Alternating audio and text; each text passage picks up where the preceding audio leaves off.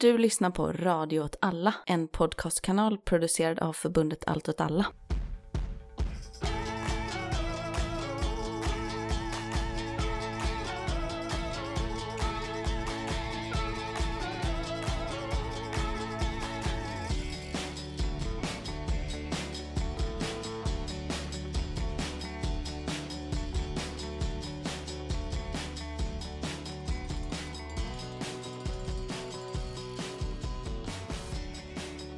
Hej välkomna till Eld rörelse med mig Martin Hansson och inte med Myran Andersson. Han är iväg på eh, semester.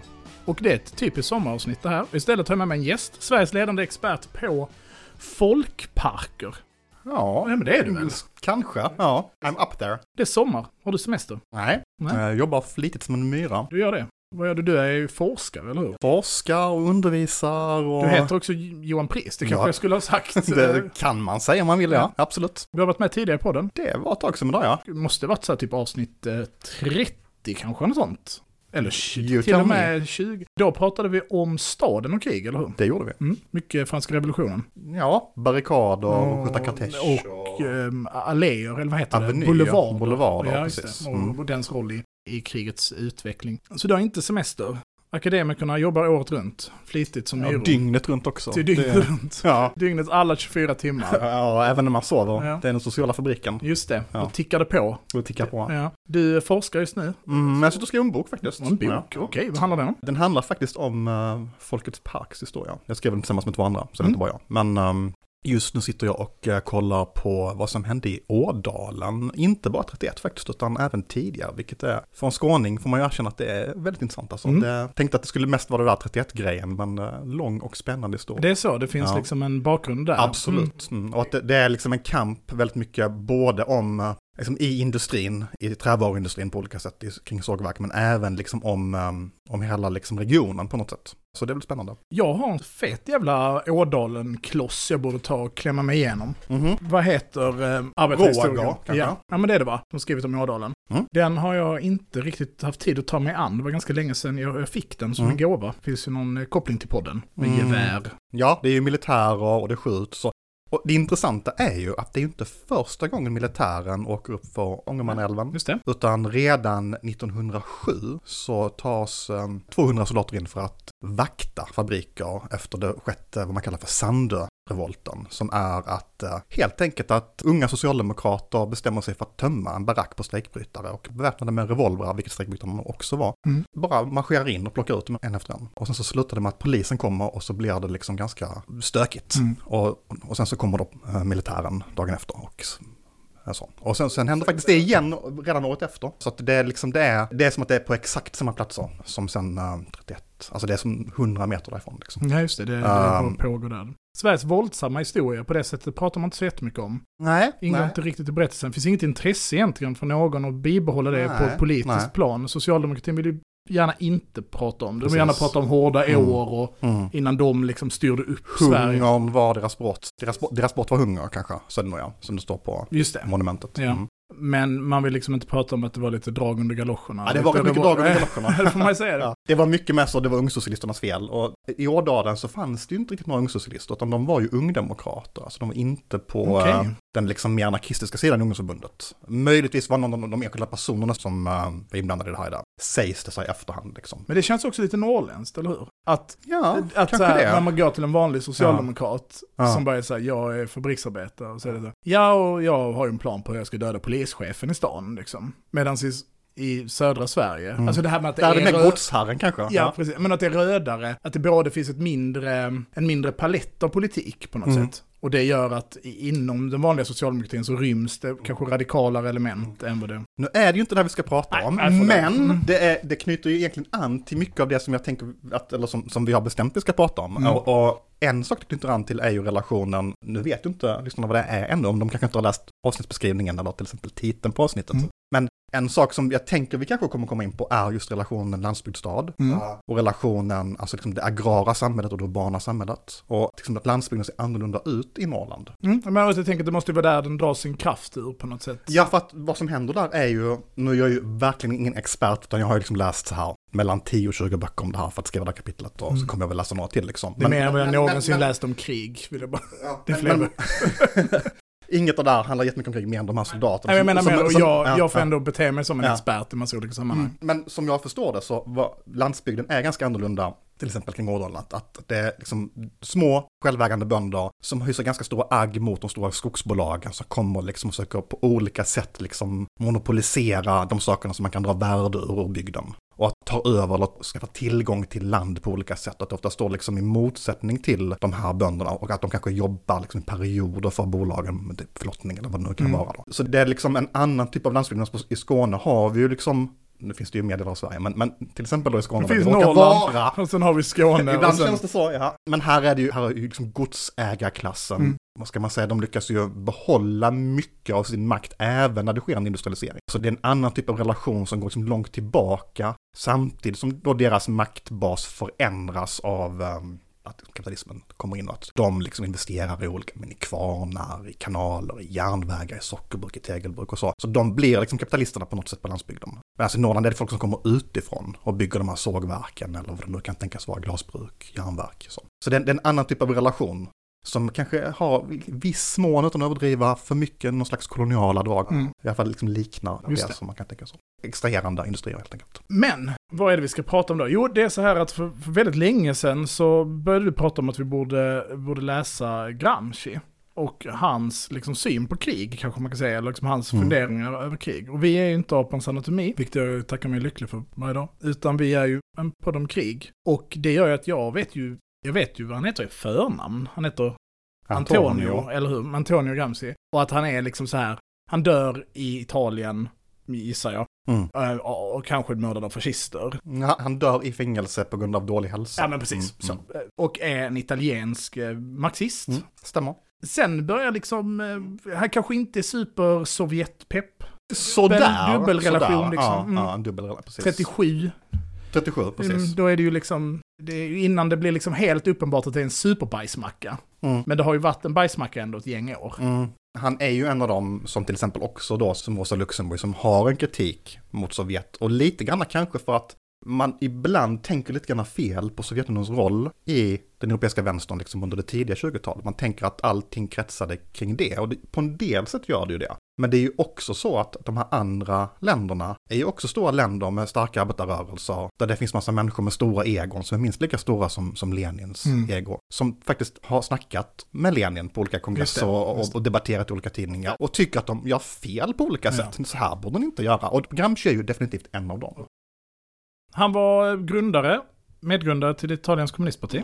Det stämmer. Och eh, Tidningsredaktör i Turin. Mm. Före det så var han en riktig glasögonom. mm, ja, det låter verkligen som att en glasögon vi pratar Det, det var han ju hela livet. Bokstavligen talat. En liten kille, kallades för Nino, tror jag, av sina vänner. Han ser lustig ut. Ser lustig ut, mycket liten kille, Mm. även för att vara så född på 1800-talet. Mm. Brillor, Kort. kort, krulligt hår, från Sardinien, och det spelar roll i sammanhanget. Det är det. Ja, just det. Södra där. Södra, precis. Fattig Italien. Fattigt, ruralt. Helt andra typer av relationer än i Turin då, när han som ju slog igenom kan man säga. Sökte sig till norr för att studera, gjorde någonting som typ skulle kunna beskrivas som att nästan doktorera Mm. inom ehm, Socialt arbete. Nej, det tror jag.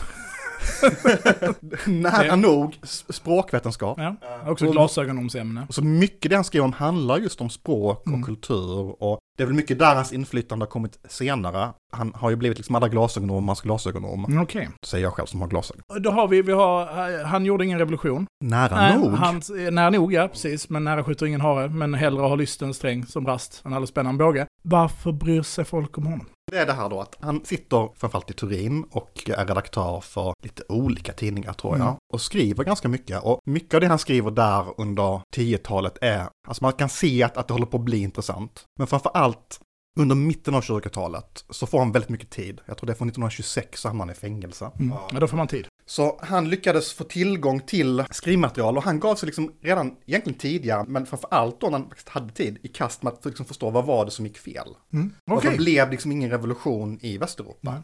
Varför satt han i fängelse? För att han var Nej, liksom politiskt. Politisk fånge, Han var, precis. var inte mord eller Nej, nej, han var ingen... eh, Nej, det var bara politisk Ja, repression. precis. Men han funderar mycket på vad var det som hände där i första världskrigets svallvåg? Vad var det som hände i Ryssland? Vad var det som hände i Tyskland? Det är ju de här som revolution eller revolutionsförsöken, eller i alla fall oroligheterna över nästan hela Europa. Mm. Mm. Och så även i Italien, framförallt i norra Italien. I, Industriitalien. precis, de här stora, stora industristäderna som snabbt har samlat på sig stora mängder människor. Och då får man också komma ihåg att det är en berättelse vi känner igen, så, sent 1800-tal, städerna växer som svampar och liksom proletariseras på olika sätt. Men Italien är det också lite annorlunda, för Italien har ju en väldigt intressant historia av städerna, som går mycket längre tillbaka. Att en del av de här städerna är liksom grundade av romarna redan. Och där staden i sig har makt. Eller de är liksom inte Precis. en bild av nation, utan de är nästan nationer i sig. De har varit nationer i sig, precis. Mm. Och även att det har funnits liksom förmoderna former av radikalism, som det finns liksom ett muntligt traderat arv i olika hantverkskulturer kring. Så man tänker att Venedig är ju, jag tänker många lyssnare känner till, republik. Just det. Det är ju inte en republik som vi kanske vi tänker på det idag, men det är fortfarande så att det finns liksom väldigt utpräglade rättigheter för specifikt arbetare av olika slag i Venedig. Så man har liksom väldigt tydliga Men så rättigheter. gammaldags gillegrejer då liksom, eller? Ja, också bara att det under perioder var stor konkurrens om, om, om arbetskraft i Europa. Så ville du ha de bästa vapensmederna, eller de som kunde bygga galärer på ett bra sätt, så var du liksom tvungna att, att hosta upp. Så du hade liksom pensionssystem och den typen av saker på, liksom på 1400-talet för sina galärbyggare. Och det var liksom Europas största industricentrum, arsenalen i Venedig. Så jag vet inte vilket det är för just Gramsci, men det gör den här historien som vi känner igen från liksom hela Europa med Manchester och liksom Mm. Liverpool och så. Den blir lite annorlunda för det är verkligen gamla städer och de är lite olika på lite olika sätt. Turin blir ju Fiats framförallt Mm. stad. Medan Venedig kanske blir mer en petrokemisk industri och så vidare. Så det är framförallt de, de stora Fiat-fabrikerna i Turin Mm. och även andra mekaniska verkstäder. Där det verkligen sker något som faktiskt är i princip en revolution. Kan man säga att det bildas de här rådsorganen på fabrikerna och de liksom beväpnar sig. Ja men det verkar som att det som har hänt liksom på många andra ställen håller på att hända även Mm. där. Och sen så lyckas liksom på olika sätt staten och liksom fabriksägarna och industrialisterna manövrera ut arbetena liksom över liksom en, en längre period. Så det, man brukar tala om de två röda åren. Och så, så un- ungefär två år så är det den här typen av liksom situation och sen så kommer fascismen på slutet där liksom och sparkar undan benen Och det, det, då är det liksom det här man pratar om när man säger liksom fascismens kontrarevolutionära Ja, liksom, eh, tendens. Ja. Att det är liksom, och det är lite Ja. modellen då. Det är exakt modellen för Ja. det. Ja. Det, det är nog på väg att bli något. Fabriksägarna och, och staten känner att vi håller på att tappa kontroll. Här har vi några som är så. Vi erbjuder ordning och lag och det... Ja, utan, utan igen att vara expert på Italien, det var ju definitivt så att mycket av det som blev liksom inordnat i de fascistiska strukturerna, alltså redan innan de tog makten, Mm. De här skvadristerna, Mm. användes ju för att bryta strejker där 1920, 21. Inte så mycket i städerna, för att det liksom funkade inte riktigt att skjutsa dit 20 lastbilar med Var det landsortsfolk man skickade dit då? Eller var det liksom travproletärer? Eller vad var det? Nej, det är framförallt det, alltså dels är det alltså veteraner, Mm, så här, här kommer ju kriget in i. Tysklandsgrejen liksom. Samma, samma dynamik. Men mycket är, sker det på landsbygden och det är ofta där arbetarrörelsen är så pass svag att den kan krossas lite lättare. Så städerna blir snarare än att, att, Fort att liksom. Precis, de, de blir liksom röda zoner. Mm. Medan landsbygden där de här arbetarna försöker liksom skaffa sig förgreningar och liksom försöker bryta sig ur den här isoleringen. Det är där motangreppen kommer och verkligen blir brutala. Om, man vill se ett bra exempel på hur det kan skildras så filmen 1900 Mm, har ju en väldigt vacker scen där de blir nerridna av uh, dragoner eller vad det Mm. var. Det var länge sedan jag såg dem. Så, så det är den typen av dynamik och det är det han är väldigt intresserad av. Alltså de här geografiska skillnaderna i den politiska utvecklingen. Vad är de kopplade till? Vad kan ehm, de här styrkepunkterna, hur kan de utvecklas på olika sätt? För att bli mer än bara de isolerade noderna, utan liksom på något sätt koppla an till andra saker. Och, och då blir ju, man kan säga där, kring den typen av frågor, som är väldigt så här, eh, ska man säga, där liksom texturen av vardagslivet, hur vi faktiskt på riktigt förstår varandra, det Mm. känslomässiga, här kopplingarna, de här liksom kulturella koderna vi använder, det blir saker som, som Gramsci för in i den debatten på ett sätt som den inte riktigt har varit innan. Så det är inte så att ingen har tänkt Nej, men det har varit lite mer kliniskt så, Precis. bas och överbyggnad och makt. Ja, framförallt när man ska tänka på det begreppet som man förknippas med är ju hegemoni. Som betyder eh, ungefär att man liksom dominerar. Dominant sätt att tänka. Den, precis. Och ibland så kan man också det med ledarskap kanske. En grupp utövar ledarskap av Okej. andra grupper. Mm. Det är ungefär så Gramsci tänker på det. Och då är ju inte han den första som använder det begreppet inom liksom en, en politisk tradition, utan det går långt tillbaka och framförallt ryska socialdemokrater funderar på det här i relation till precis samma saker. Alltså vi är ett land med väldigt liten urban befolkning, väldigt liten industriproduktion. Hur ska vi då kunna, liksom, vi som ändå är en arbetarrörelse, även om de specifikt tenderade väl att vara typ prinsar och grevar, baroner och sånt, men som ändå företräder en arbetarrörelse, hur ska då vi kunna utöva ledarskap över andra sociala grupper och liksom på något sätt så här koppla an till dem? Och där de kanske snarare tänkte på det på ett ganska fyrkantigt sätt, så här, men vad är våra krav? Så, land till, till bönderna. Så för Gramsci så märker man när man läser hans böcker då, och det är de, framförallt de här fängelsedagböckerna som är väldigt svårpenetrerade och liksom man kan tolka på många olika sätt, så det finns väldigt många olika tolkningar av det här. Men att just den här frågan liksom om hur specifika platser med specifika traditioner som kan gå långt tillbaka, där den här prästen gjorde sist så här på 1880-talet, och, för det kanske inte fanns så mycket andra intellektuella liksom på Sardinien eller Sicilien. Eller i den här byn var det den här typen av upplopp då, och det ledde till det här. Och att man måste ha den här liksom kulturella förståelsen för hur olika grupper kan kopplas samman. Så på något sätt sätter det liksom någonting på spel hos båda grupperna. Att det inte bara är, här är den mest utvecklade gruppen i kampen, som helt enkelt bara ska säga, nu ska ni göra som oss, och ni kommer, kommer kanske också bli som oss på lång sikt. Ni kanske också kommer jobba under liknande förhållanden. Det är inte bara det att inte det funkar, utan att det är liksom helt fel sätt att göra det på. Att du måste fundera på, okej, men vilka kopplingar finns det mellan de här platserna? Hur är det med migranterna från Sardinien i Turin till exempel? Vad kan de berätta för dig? Vad kan liksom exilföreningen för ett fritt Sardinien, hur kan det bli en nod för att komma tillbaka till Sardinien och föregripa att man använder de här grupperna mot oss eller kanske till och med koppla dem an dem till oss, till vår rörelse. Så att på något sätt måste liksom båda grupperna förändras, både de mest avancerade och de liksom mindre avancerade grupperna måste tänka om vem de är i den här relationen och hitta en gemensam punkt som är gemensam för dem båda. Och det är väl det som är den stora utmaningen, att det är inte bara att hitta ett ekonomiskt krav som alla kan ställa upp på och sen så bada bim bada bom har du en slogan och sen så liksom är du färdig med det, utan du måste fundera på i alla de här komplexa aspekterna av det här samhället, hur kan man väva samman och bygga samman en koalition på, på väldigt specifika sätt mellan specifika grupper och hitta deras olika gemensamma punkter. Så den här gruppen kopplar an till den här gruppen på det här sättet, men den kopplar an till en annan grupp på ett annat sätt. Eh, och båda de sakerna tvingar den här gruppen att tänka om vad den är och kanske ge upp någonting också. Han talar mycket om klassegoism, att arbetarna Turin överkom sin klassegoism. Att de ville inte bara kämpa för sig själva, utan de var beredda liksom att låta sina krav ibland stå tillbaka för andra grupper som inte var lika välorganiserade, som bönderna kring Pofloden till exempel. Och liksom avsätta resurser och på något sätt liksom offra sin kamp för att få med dem på olika sätt och kanske offra krav som framstår som främmande för dem. Och det gjorde dem starkare. Men vad fan har det här med krig att göra? Jo, det är nämligen så att det händer en liten grej som vi idag talar om som första världskriget. Mm, det. Och det blir ju någonting som väldigt många människor funderar kring. Det är ju liksom en formativ händelse för i stort sett alla i den generationen. Gramsci är inte, så vitt jag vet, inte med där, även om Italien nu var inblandat. Mm. Och hans ålder talar ju egentligen för att han... Ja, men jag tror att han var ganska kort alltså. vara- det är det. jag tror att han var lite Han var kort värre, även för att ja. vara italienare. Han borde vara så alpinsoldat eller någonting. Ja, nej det tror jag inte han Nej. hade fått vara. Nej. Nej. Då var det väl också väldigt viktigt fortfarande att vara lång? Jo, det? visst, Ja. visst. Och sitter man på universitetet och så. Man kan ju bli skrivare i en stab till exempel. Eller... Många andra är ju det, vet jag, som är inblandade. Men, men ehm, Han var så jävla mycket glasögon att han missade kriget alla män var med. Ja. Så han sitter och funderar på det här och liksom som skriver om det. Så- Och det händer lite olika grejer där i, liksom, i efterdyningarna Mm. som gör att han börjar skriva om krig på olika sätt. Och då skriver han ju dels liksom om krig, men även försöker han använda krig som metafor för att förstå vad som händer. Men sen försöker han också förstå liksom vad kriget har gjort på olika sätt med det samhälle som man liksom intervenerar i. Så man kan liksom bena alla de här sakerna och alla de här sakerna är grejer som är en, en egen historia på något sätt. Men om man bara ska snabbt beta av en av grejerna kanske så kan man ju tänka att det är det här med kriget och att liksom kriget bryter den internationella solidariteten. Det är Mm. ingen ny historia, det här känner ni till. Liksom, så, att det, andra internationalen bryts isär och Vi har haft Fredrik Egerfur med här Precis, och pratat om fred, ja. fredsrörelsen, Ja, exakt, ja, men hur man exakt det misslyckas. på, liksom. ja. Ja, mm. Även, om- även om arbetarrörelsen är så otroligt stark så, Mm. Så klarar man inte. så man klarar det. inte. Inte ens i Tyskland Nej. som är, där de är så.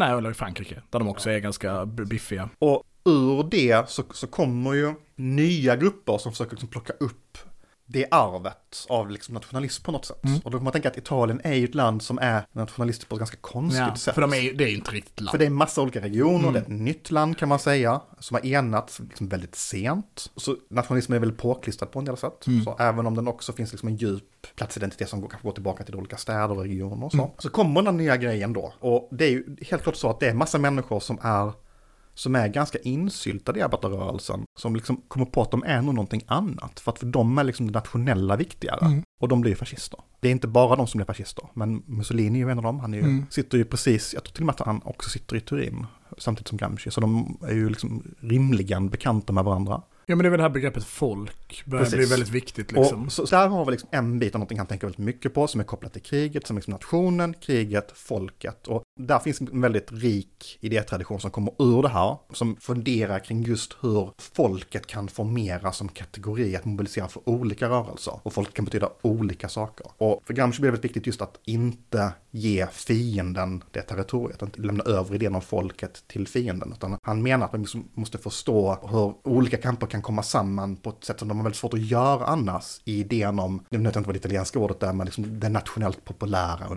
kanske man skulle säga på svenska. Allt det här får man ju läsa på engelska om man inte kan italienska för att det är väldigt lite översatt. Men, men liksom just det här folk, alltså liksom nationen och det folkliga på något sätt knyts samman till varandra under 1800-talet. Och det verkligen liksom blir en, en ganska hård formation som är svår att komma runt på ett sätt som man kanske inte hade tänkt när man är där 1919. Och, och just att det sker en kamp om vad det här betyder. Och de som kanske är mest kända för det här och kanske också mest liksom kritiserade för hur de avmarxifierar Gramsci är ju Ernesto Laclau och Chantal Mouffe, som ju är, vad ska man säga, kommer med den här teorin om vänsterpopulism. Just det. Så de väldigt tydligt utvecklar Gramscis skrivande om det och kopplar an det till liksom latinamerikansk kontext framför allt. Men det jag tänker, det är en bit. Så. En annan bit som också har väldigt mycket med första världskriget, som man skulle kunna tänka kring är eh, själva kriget som erfarenhet och hur det skapar saker, liksom skapar kulturella fenomen som folk kan relatera till. Och därmed blir också liksom teorier om krig och beskrivningar av krig någonting som blir väldigt viktigt i hur Gramsci, men även andra människor pratar om vad det är som händer i samhället där 1919, 20, 21, 22. Eh, Och alltså även när man ser tillbaka på den perioden som leder fram till fascismen. Där kan man säga liksom att teorier om krig kommer in i teorier om politik på ett ganska intressant sätt. Mm. Och ganska, inte liksom helt unikt sätt, men ändå liksom lite mer än det brukar göra i alla fall, skulle jag Ja, säga. och för många, för många länder så blir det väl också ett, det första nationella kriget i sin liksom helhet. Att Mm. Det är klart vi har ju lite andra moderna krig, vi har amerikanska inbördeskriget, Mm. vi har tysk-franska kriget och så. Men för Italiens del kan jag verkligen tänka mig att det här är liksom det första kriget som de är Mm. en del av som folk. I Mm. någon mening. Alltså där alla sfärer av samhället verkligen är med i kriget. Mm. Mm. Nu är ju Italien väl bara med första världskriget en, en kort liten vända och Mm. är ju strikt sett på segerssidan. Är inte det där jättekonstigt på något sätt? Eller? Jo men de hoppar väl in där. De passar på. Ja, och sen Ja. så råkar det vara tyskarna. så att de blir ju, de rullar väl över dem när de möter tyskarna. Det går åt helvete för italienarna i, Eller hur gör det? tyskarna. Ja. det är verkligen. Ja, för att de är riktigt sopiga andra världskriget också. Ja men de är, men det är inte De var, hade sin primetime där för runt nolltalet. sen har det varit svårt för Italien. De har också fått stryk av Etiopien till exempel. Bara vilket det sak. är... Bra för Etiopien. Ja, unbent, Well unbroken. played. Ja, ja, Ja. de förlorar ju Eritrea. Men de blev ju aldrig kolonialiserade på det Mm. sättet. Okej, så då är det egentligen kan man säga två, tre eller kanske fyra lite grann när man ser på det begrepp som Gramsci använder och som har liksom blivit viktiga för honom att, att använda för att förstå politik. Mm. Så liksom, man skulle kunna säga att han vänder på den här Clausewitz-metaforen. Uh, Mm. att, att, att, liksom att krig blir ett sätt att förstå politik. Det fortsätter in i det politiska. som, som bas för hur ett så ett samhälle krigar berättar också någonstans Ja. hur samhället Ja, är. exakt liksom. så faktiskt. Så det är också en ganska marxistisk poäng. Ja, Eh, absolut. Att, att, och att han använder de här termerna för att göra liksom, några av sina huvudpoänger då, som, att, som han har stulit från um, liksom, teori om kriget. Och Mm. framför allt är det två begrepp som jag, jag vet bara vad de heter på engelska. För att igen, det här får man ju läsa på engelska, så det kan vara att jag felöversätter dem. Men kan det vara positionskrig om man överkrig? Kan det vara att man säger så? Ja, han gör väl en uppdelning. Jag läste ju lite här. Han Mm. delar upp eh, position. Ja, ja alltså, jag tror man skulle säga på svenska skulle man säga skyttegravskrig. Ja, Alltså det är nog termen man ändå använder i de här liksom väldigt eh, icke-mobila, ja. rigida sättet att föra krig liksom. Och sen manöverkrigsföring, Ja, pratar man om, det är ju ett begrepp. Och då, och då är ju manöverkrigsföring någonting som liksom har kommit, det finns ju en tradition av det, förknippat liksom med det moderna Mm. stridande på något sätt. Men med första världskriget så ser man ju en, en ny typ av krigsföring som inte längre är den här traditionella belägringskriget, men som ändå är väldigt liksom, långsamt rörande. Mm. Så den distinktionen tror jag framstår som ganska tydlig för alla vid den här perioden. Liksom. Det är något som folk pratar om och något som folk har erfarenhet av. Och använder då Gramsci för att fundera på politik. Och det, framförallt är det ett sätt för honom att kritisera idéer om att det som fungerat i Ryssland skulle kunna fungera i Västeuropa. Ah, okay. Eh, Då säger han så här, i Ryssland, han gör som många andra tidigare gjort, en distinktion mellan civilsamhälle och staten. Så vi har staten som är liksom så här eh, våldsmonopolet och liksom olika styrningsfunktioner och en stabil fungerande byråkrati. Och så är civilsamhället som är jag tror han tänker det mesta annat. Ibland så kan man dela upp det också i det ekonomiska och det sociala, men jag tror att han tänker att civilsamhället är det som liksom inte är statens styrningsfunktioner. Mm. Okay? I Ryssland så fanns det liksom inte så mycket civilsamhälle. För att det var en autokrati, det var liksom ett feodalland. Så därför kunde då ryska revolutionen helt enkelt bara samla på sig liksom ett, visst antal trupper, revolutionära liksom garden, och sen slå ut vissa huvudnoder och helt enkelt bara ta över staten. När staten var bräcklig i en försvagad situation så kunde liksom... För att samhället var staten. Det här är ju inte riktigt sant heller. Nej, Det var, inte, det var inte riktigt så revolutionen gick Nej, till. men liksom han tänkte så, men det är ett land som bara är en stat. Ja, Så räcker det att bara ta staten och då har du tagit landet. Men För det finns ing, det ingen, som någon annanstans. Ingen bryr sig så här om, om kejsaren. det finns inget fluff, det finns ingenting som... eh, Det finns inga skyttegravar Nej. du måste vada igenom. Utan du bara liksom, du slår ut vissa grejer, du kanske kan liksom göra en fint. Så. Du tar dig igenom linjerna som är väldigt lösa och porösa. Mm. Och så förintar du liksom huvudmotståndaren. Och det är liksom läxan som bolsjevikerna på något sätt, det är inte med deras språkbruk nödvändigtvis, men, men, men det, liksom, det, Nej men det så förstår ju så- Lenin, så, så, så, förstår ungefär Lenin så förstår krig. Lenin vad som har hänt. Ja, ja. Så förstår han krig också. Men då säger Gramsci, men vi kan liksom inte göra det här. Vi kan inte bara, det räcker inte att ha några tusen människor i ett parti och så liksom tar man över lite, um, Det spelar ingen roll att och telegrafstationer och sen är det klart liksom. nej, utan här är liksom en, helt annan typ av strid vi står inför. Som vi har lärt oss från liksom vårt 1917, som då är par år senare. Utan det här är något som påminner mycket mer om skyttegravskriget, Mm. som, som, eller positionskriget. Där varje liksom bit territorium blir omtvistat och man, liksom, man hela tiden måste försöka liksom mobilisera det, den totala sociala basen för hans rörelse. Och som utökar, precis som att, som att skyttegravskrigen inte avgjordes kanske vid ett visst skyttevärn, utan som avgjordes på hemmafronten. Mm. Så måste man liksom bygga upp den här sociala basen som kan skapa liksom en enorm social rörelse som kan anfalla och liksom pröva sig fram på många olika punkter och utmana många olika delar av slagfältet. Och långsamt röra sig framåt och liksom skala bort olika delar av försvaren, skala av olika försvarsverk. Och här tänker man att det, begreppet hegemoni spelar väldigt stor roll. För det, kan här, säga här, det här är ju inte något som ska tolkas bokstavligt, utan det är ju snarare då att om det nu finns kyrkor, det Mm. finns eh, nykterhetsloger, det finns ehm, kooperativ, vad det nu kan tänkas finnas i Mm. ett samhälle till 1900-tal. Så hur förhåller sig de här grupperna till den besuttna makten? Hur mycket är de formade av den? Var går liksom skiljelinjen i varje sån civilsamhällesorganisation? Vilken sida kommer de liksom stå på när det smäller?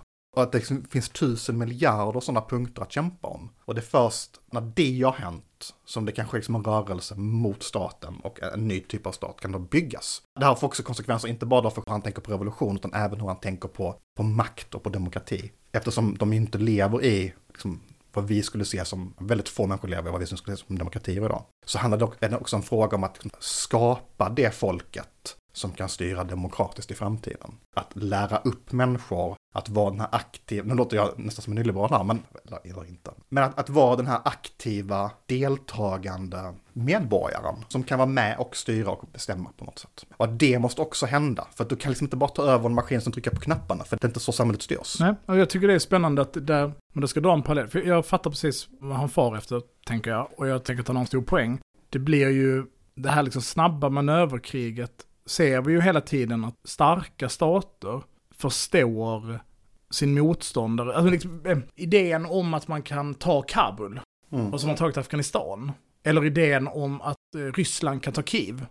Och så ska liksom kriget vara över på något sätt, eller för att vi är den här övermakten. Men man förstår inte att liksom samhället binds samman av mer, nationen består av fler saker än staten. Och det här civilsamhället då kan skapa extremt hårt tvinnade band mellan olika grupper. På ett sätt som man liksom måste verkligen med mikroskop gå in och titta för att förstå hur kan eh, antifascistiska fotbollshuliganer och nazister strida för samma fråga mot den här fienden till exempel. Varför är inte de förrädare? Varför, eller varför har inte de deserterat?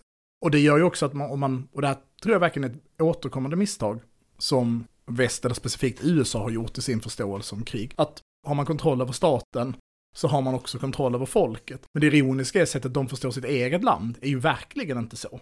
Och frågan är om de tänker på sig själv som ett undantag till den frågan. Alltså för idén om USA som nation är ju inte så statscentrerad. Utan det är ju liksom, det är väldigt mycket kultur, det är väldigt mycket hegemoni och till och med en fientlighet gentemot staten. Alltså alla amerikaner, men mer eller mindre har idén om att staten är ett nödvändigt ont som vi har. Ja, nej, jag, jag tänker att, att man kan säkert ta tillbaka det här till en förståelse av krig också. Och för Gramsci är det här ju metaforer som man använder för att det är metaforer som är begripliga för människor, mm. att de har de här erfarenheterna. Så för honom blir det ju ett sätt att tänka på de här frågorna kring hegemoni och kring varför det inte gick så bra, trots att den italienska handbollsrörelsen var så otroligt stark på, på ett antal platser. Alltså vad, vad, måste hända? Det fanns inte de här avgörande punkterna, det räckte inte att ta Turin och Milano. Nej, och i de här kuppanfall som man säger, alltså de, mm. det ser man till exempel då i Regal, alltså det estniska upproret, att mm. man är så här, vi ska ta den här kasernen och så ska vi ta de här postkontoren och sen är det typ över. Men det som händer är att folk är så här, fast vi är inte med på det, eller vad håller ni på Gå hem med er.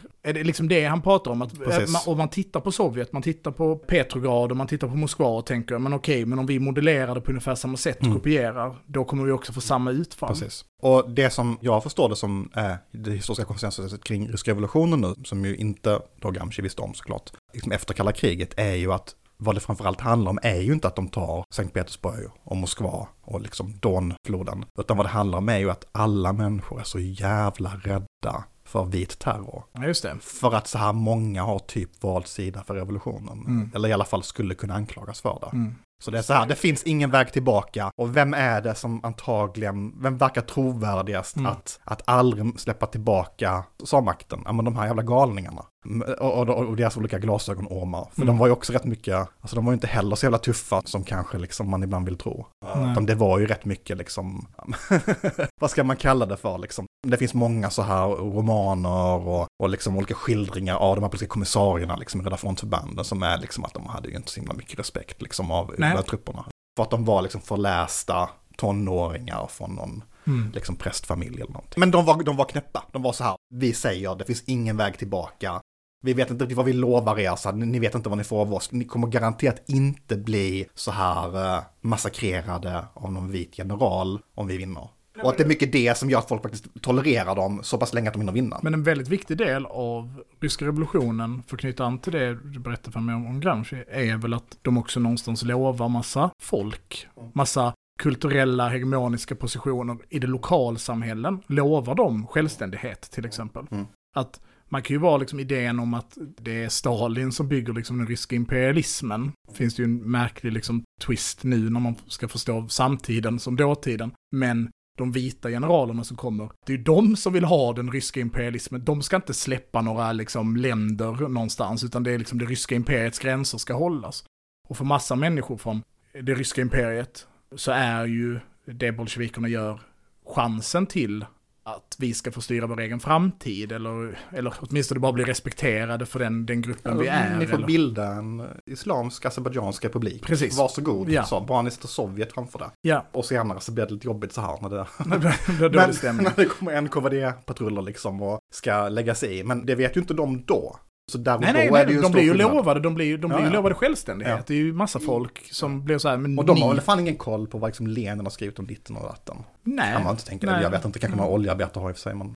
Okej, nu är vi långt ifrån ämnet men, igen. Men det blir väl intressant för att man, om man då tänker på det, om de begreppen du pratar om där, så där man kan se skyttegrav, man ska förstå politik och de här två, manöverkrigsföring eller utnötningskrig då, som är en annan term man skulle använda, så det långsamma kriget. Medan manöverkriget i någon mening handlar om hur hårt du kan slå, så handlar ju utnötningskriget om hur mycket stryk du kan ta. Och är inte liksom då svensk socialdemokrati ett ganska gott exempel på den här typen av utnötningskrig? Fast nu är det som att vi kan fortsätta, vi kan köra det här i hundra år och vi kontrollerar alla de här institutionerna, vi har byggt våra egna institutioner. Vi orkar, vi vi, ni kommer inte palla den här konflikten, men vi pallar för våra strejkassor kommer hålla och så vidare och så vidare. Och nu pratar folk använder vårt språk för att förstå politik. Är det, är det de som excellerar på liksom utnötningskrigets... Eh... Ja, det, det, här är ju en, en lite av en debatt, skulle okay, man kunna säga. som jag bara kastade mig in i. Här. Ja, det är jättebra. Jag, mm, mm, det bra att du tog en sida där. Ja. Uh, nej, men så, så, är det ju lite grann säkert. Det är ju också så att en annan bit av Gramsci, som vi inte har pratat om än, har då att göra med och, och kommer in på det, språkliga och, och, frågan är då hur mycket är de här anspråken på hegemoni någonting som kommer från en specifik social grupp? Och ett argument man kan se är då att man hela tiden måste både ge och ta. Och att det kanske också inte sker som någon slags rationell process. Nej. Utan för att liksom vara effektiv och för att fungera så måste man jobba med det som finns. Gramscis ideal är någonstans att, att, han talar om, och då skriver han liksom i kod för då är han i fängelse så han kan inte skriva exakt vad han menar, men att göra det existerande radikalt är liksom mm. Eh, vänsterns uppgift på något sätt. Att jobba med det som finns och att radikalisera det. Det finns liksom ingenting som finns utanför systemet eller ett rent uttryck för en viss specifik grupp, utan den gruppen är i sin tur alltid också formad av det hegemoniska. Om man ska tillbaka då till Sverige så kan man ju tänka sig att mycket av det som Socialdemokraterna gör och det är väl kanske det ett argument som vi kommer liksom att fundera kring i den här boken då som kommer om så ett till fem år. Är ju att jobba med saker som redan finns. Är att jobba med liksom begrepp och kategorier knutna framförallt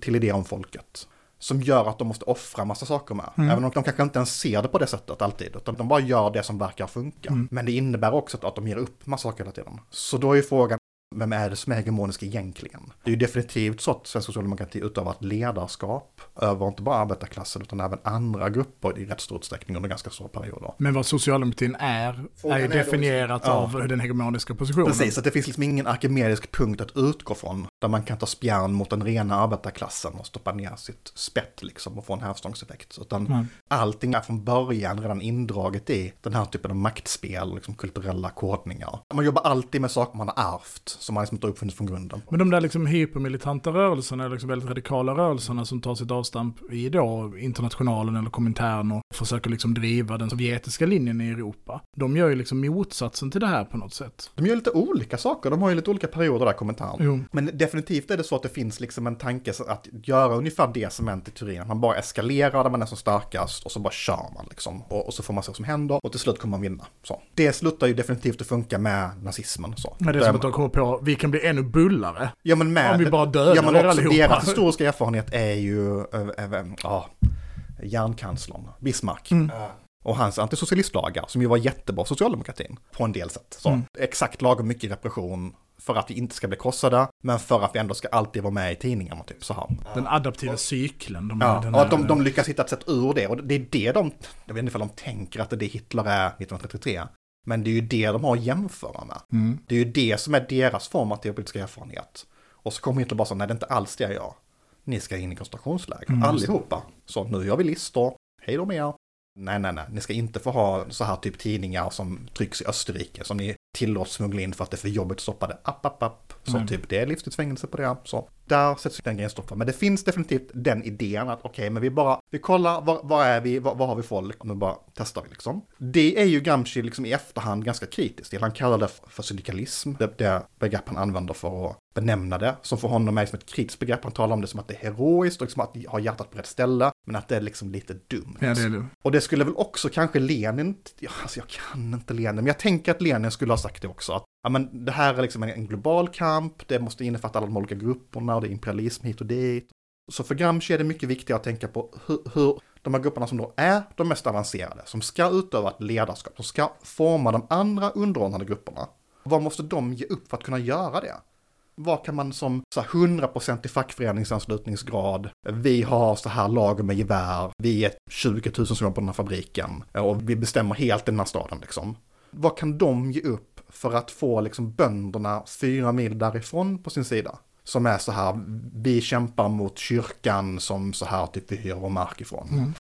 Alltså det är den typen av frågor, både kulturellt så, det finns en jättebra anekdot i en av hans bästa texter. Ska jag försöka återberätta den från frihand? Absolut, okay. Så en av de sakerna som han skriver ungefär när han åker i fängelse, jag tror att det, det, är ett utkast redan innan, men att han liksom aldrig blev färdig med det, heter Frågan om Södern, skulle man väl sätta den till, antar jag, på till svenska.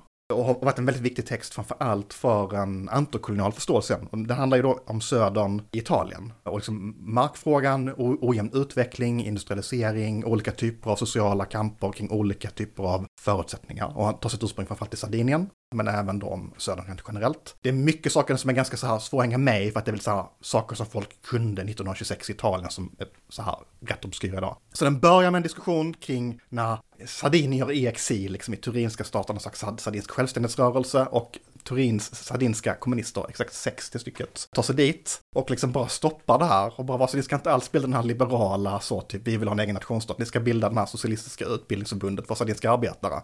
Och så gör 256 deltagare det och de andra fyra går hem typ. Så det är han väldigt nöjd med. Redan där kan man se hur de här platserna hänger ihop med de här migrantströmmarna blev väldigt viktigt för honom. Att liksom, här är någonting som sker. Och han visar också på att liksom, det liksom går att göra någonting. Men sen kommer den biten av texten som jag tycker är mest intressant, som handlar om vad som, vad hände då egentligen? För nu hoppar han liksom tillbaka i tiden ett par år. Vad hände egentligen när Turin var styrt av arbetarråd? När arbetarna på Fiat och så vidare faktiskt tog över staden? Jo, en sak som händer är att staten tar ju in soldater. Och här kommer vi tillbaka till kriget. Och det är framförallt det Sassari-brigaden som är då från Sardinien och som består av liksom, inte de allra fattigaste, men liksom de lite kanske bättre bemedlade i den fattigaste regionen i Italien. Och de kommer då till Turin och han berättar att ja, men det fanns liksom en dålig relation redan från början till de här människorna. De hade varit inblandade i att kämpa ner oroligheter tidigare.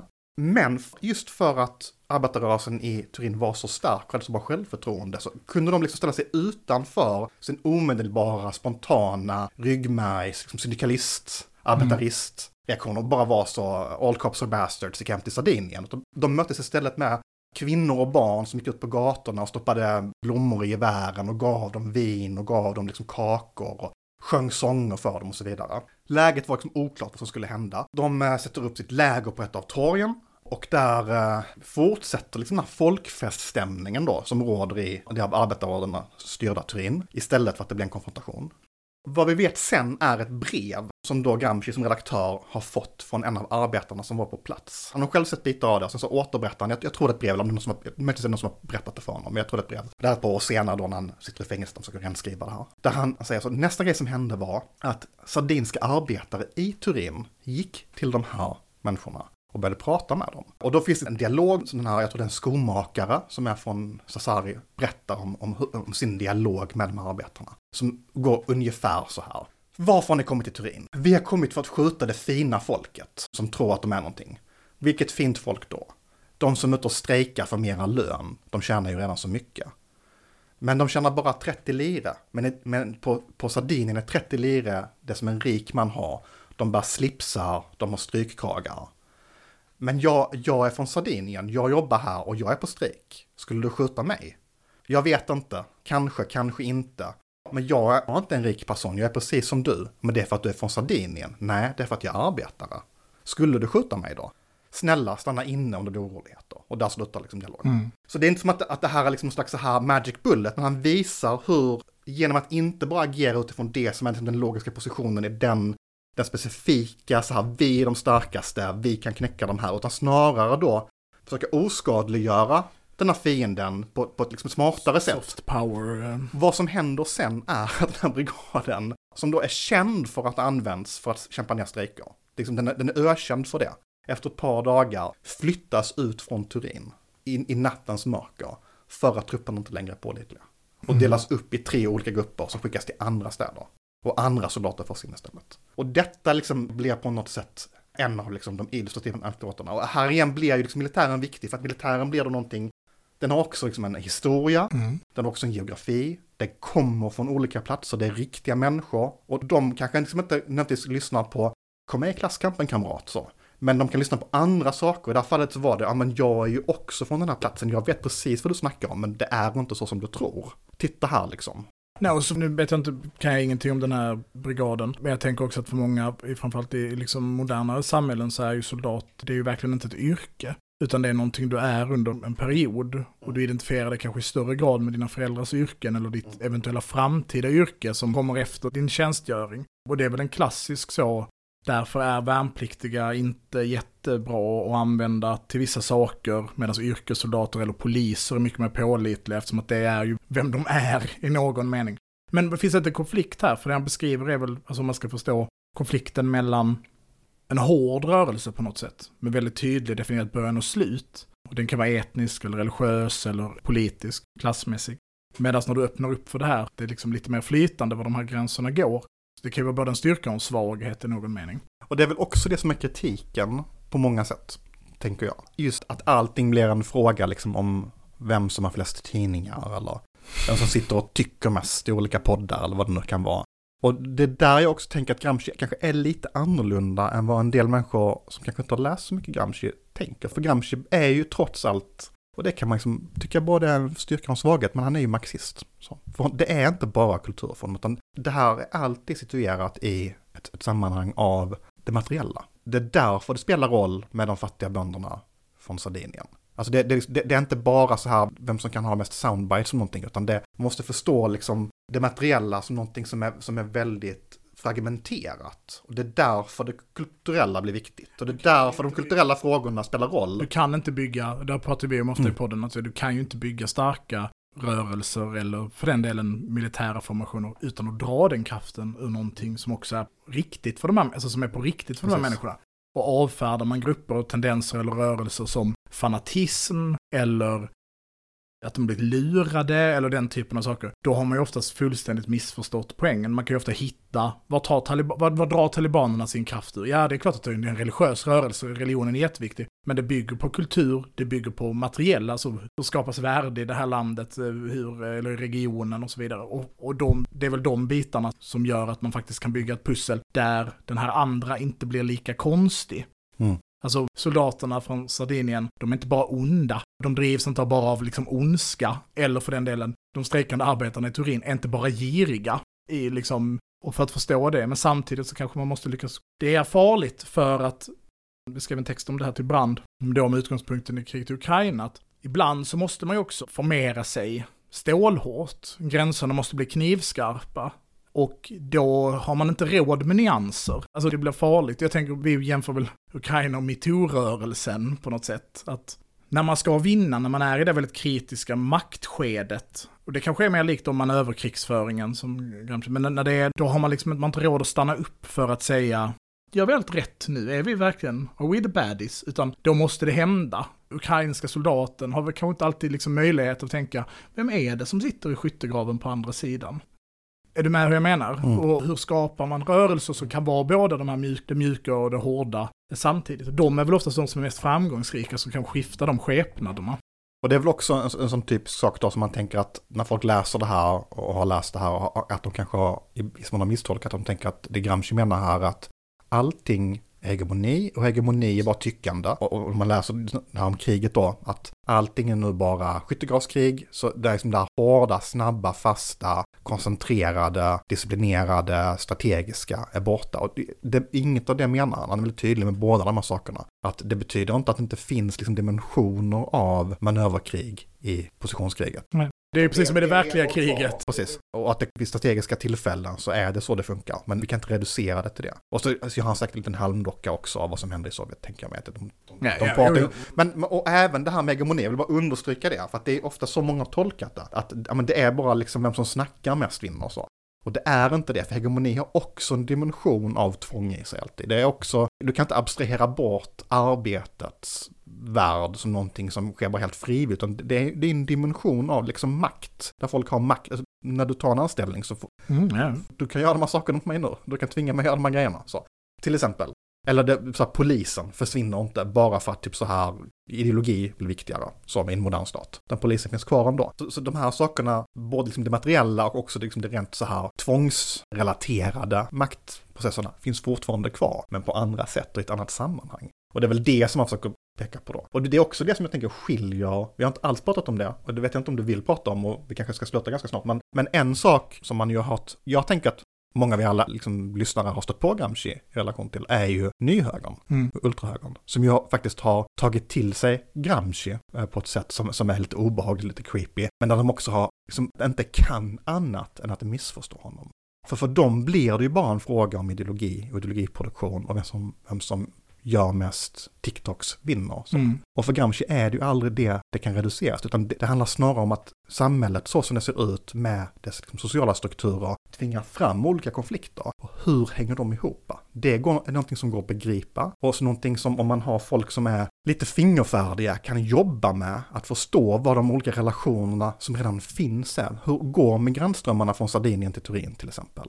Vad innebär det för Sassari-regementets intåg i Turin? Ja, men det finns specifika, konkreta saker här som gör att de här sakerna redan hänger ihop. Det finns knappar att trycka på här. Och vet man hur man gör det, är man lite fingerfärdig med det och är beredd att offra lite av sig själv och sin egen identitet och sin egen position, så finns det ganska mycket spelrum här. Men det betyder inte att allt bara är det spelrummet, utan det spelet uppstår i en specifik situation som stammar ur de här djupa materiella, strukturella motsättningarna som samhället liksom genomsyras av. Och det kan liksom aldrig, ja vad heter de, Richard Spencer och Steve Mm. Bannon och sådana människor som, som liksom koketterar med Gramsci. Det kan de liksom aldrig se per definition, för det ingår liksom inte i deras världssyn. Det är inte någonting de är intresserade av, utan de är intresserade liksom av andra saker.